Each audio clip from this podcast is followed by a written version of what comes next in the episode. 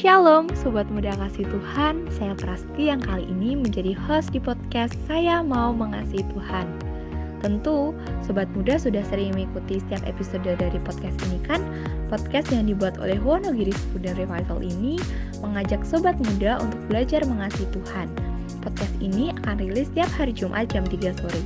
Jadi setialah mengikuti setiap episodenya ya, jangan sampai ada yang terlewatkan, supaya sobat muda bisa belajar dengan lengkap dan bisa mengalaminya dalam hidup sobat muda semua. Terlebih selama bulan Oktober dan November ini, kita akan ngobrol-ngobrol lewat segmen BTW, Bincang-Bincang Teman Weekend.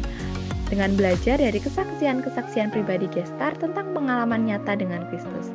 So, jangan ke mana-mana, stay tune terus ya. Baik, BTW kali ini merupakan episode kedua dari topik utama kita yaitu Upgrade Transformation in Christ atau perubahan besar di dalam Kristus. Dan saya sudah bersama dengan tamu spesial kita yaitu Mbak Rere.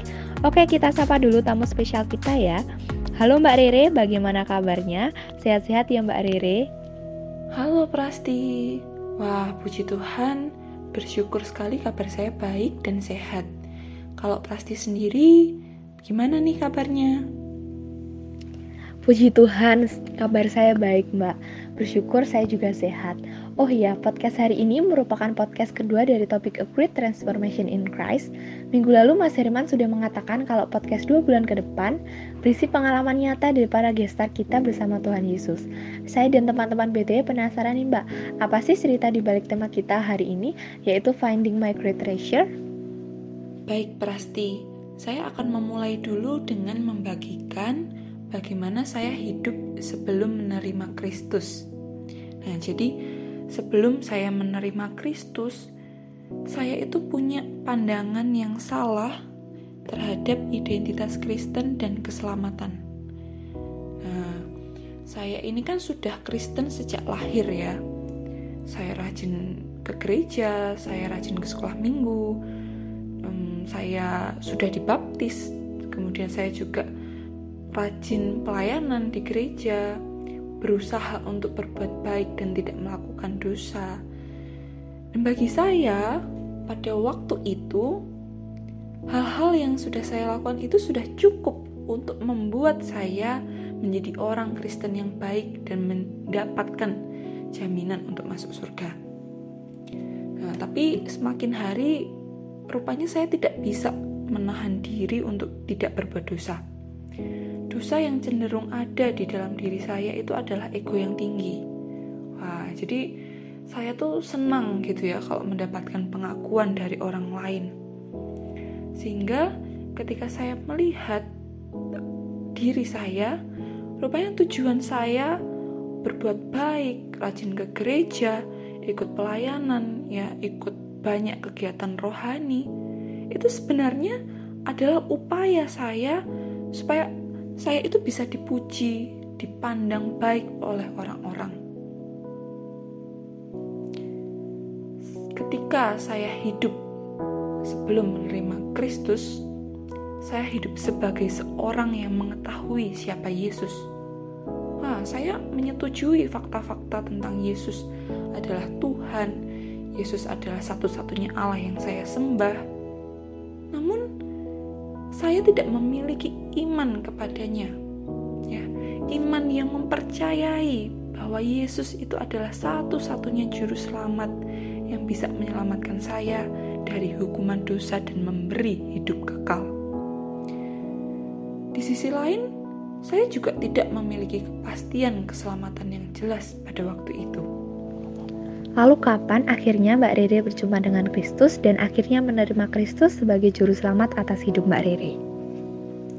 Oke, okay, um, pengalaman itu terjadi ketika saya masuk SMA. Sebetulnya ketika kelas 10, saya mendapatkan kesempatan dua kali untuk mendengarkan Injil secara lengkap.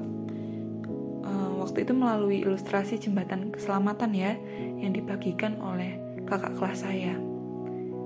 Namun pada waktu itu ya dua kesempatan yang saya dapatkan jadi sia-sia karena hati saya masih bebal dan saya tidak mengambil tindakan apa pun. Um, saya berdoa waktu itu tapi tidak dengan sungguh-sungguh. hingga akhirnya saya ikut ke dalam kelompok PA saya belajar di sana dan saya senang waktu itu karena itu kali pertama ikut komunitas yang menyelidiki Alkitab. Dan kebetulan saya suka dengan uh, belajar hal-hal rohani begitu ya. Nah makin hari saya semakin tertarik untuk mengenal siapa itu Yesus Kristus.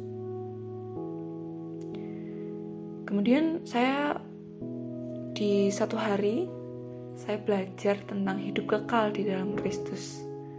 Nah, hari itu kakak PA saya kembali membagikan uh, pelajaran begitu ya, bahwa keselamatan hanya didapatkan di dalam Kristus Yesus. Jadi keselamatan tidak bisa didapatkan karena saya berbuat baik, tidak bisa didapatkan karena saya sudah dibaptis saya beragama Kristen, atau mungkin karena hal-hal yang saya usahakan sedemikian rupa. Karena keselamatan itu adalah pemberian dari Allah. Fakta ini semakin jelas ketika saya membaca firman Tuhan di dalam Yohanes 3 ayat 16. Di sana dikatakan bahwa karena begitu besar kasih Allah akan dunia ini, sehingga ia telah mengaruniakan anaknya yang tunggal, supaya setiap orang yang percaya kepadanya tidak binasa, melainkan beroleh hidup yang kekal. Wah, di sini saya melihat bahwa kasih Allah itu begitu besar ya, sampai mengaruniakan anaknya yang tunggal Yesus Kristus. Tapi nggak hanya itu saja. Di dalam Wahyu 3 ayat 20, firman Tuhan mengatakan, Lihat, Aku berdiri di muka pintu dan mengetok. Jikalau ada orang yang mendengar suaraku dan membukakan pintu, aku akan masuk mendapatkannya dan aku makan bersama-sama dengan dia dan ia bersama-sama dengan aku. Selain mengaruniakan anaknya yang tunggal, Tuhan juga sudah mengetuk pintu hati setiap orang. Nah, sampai akhirnya uh, ketika selesai PA kakak saya ini menantang saya ya untuk berdoa maka pada tanggal 24 Agustus 2017 untuk pertama kalinya saya membuka pintu hati saya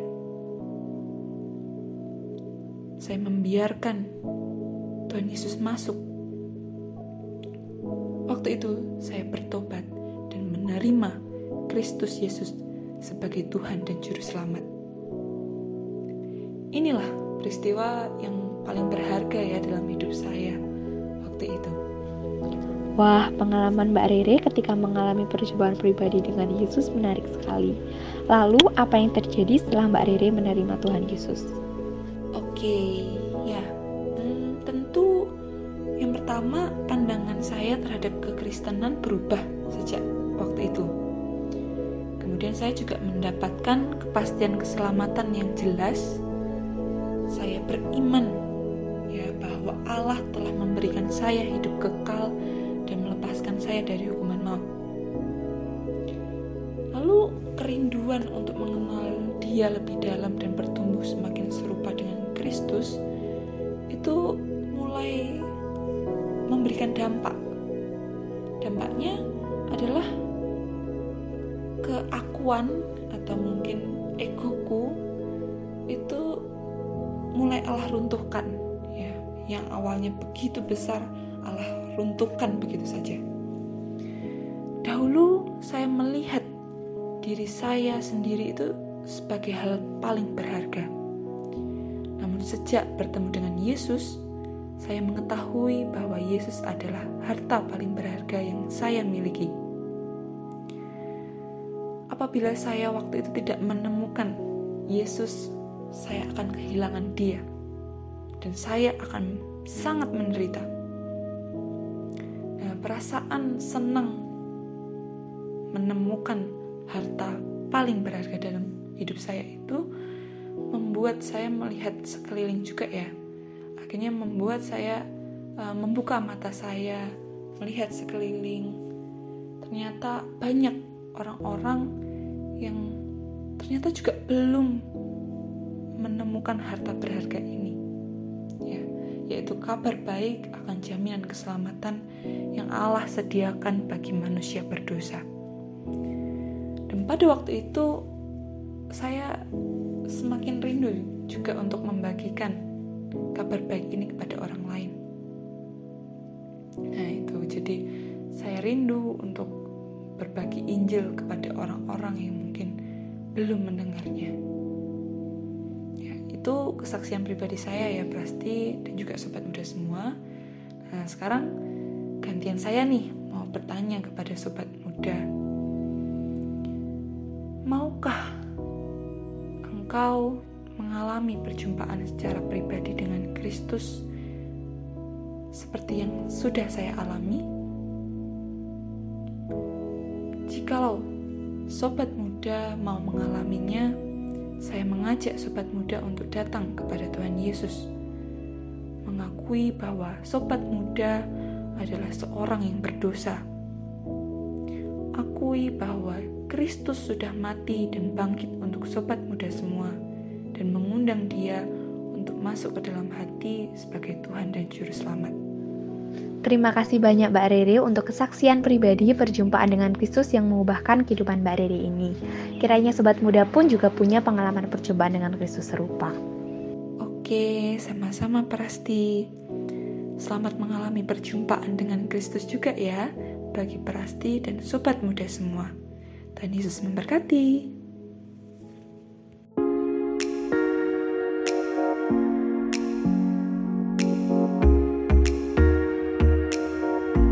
Sobat muda kasih Tuhan, senang sekali ya kita bisa mendengar kesaksian pribadi perjumpaan dengan Kristus yang mengubahkan kehidupan tamu kita pada hari ini.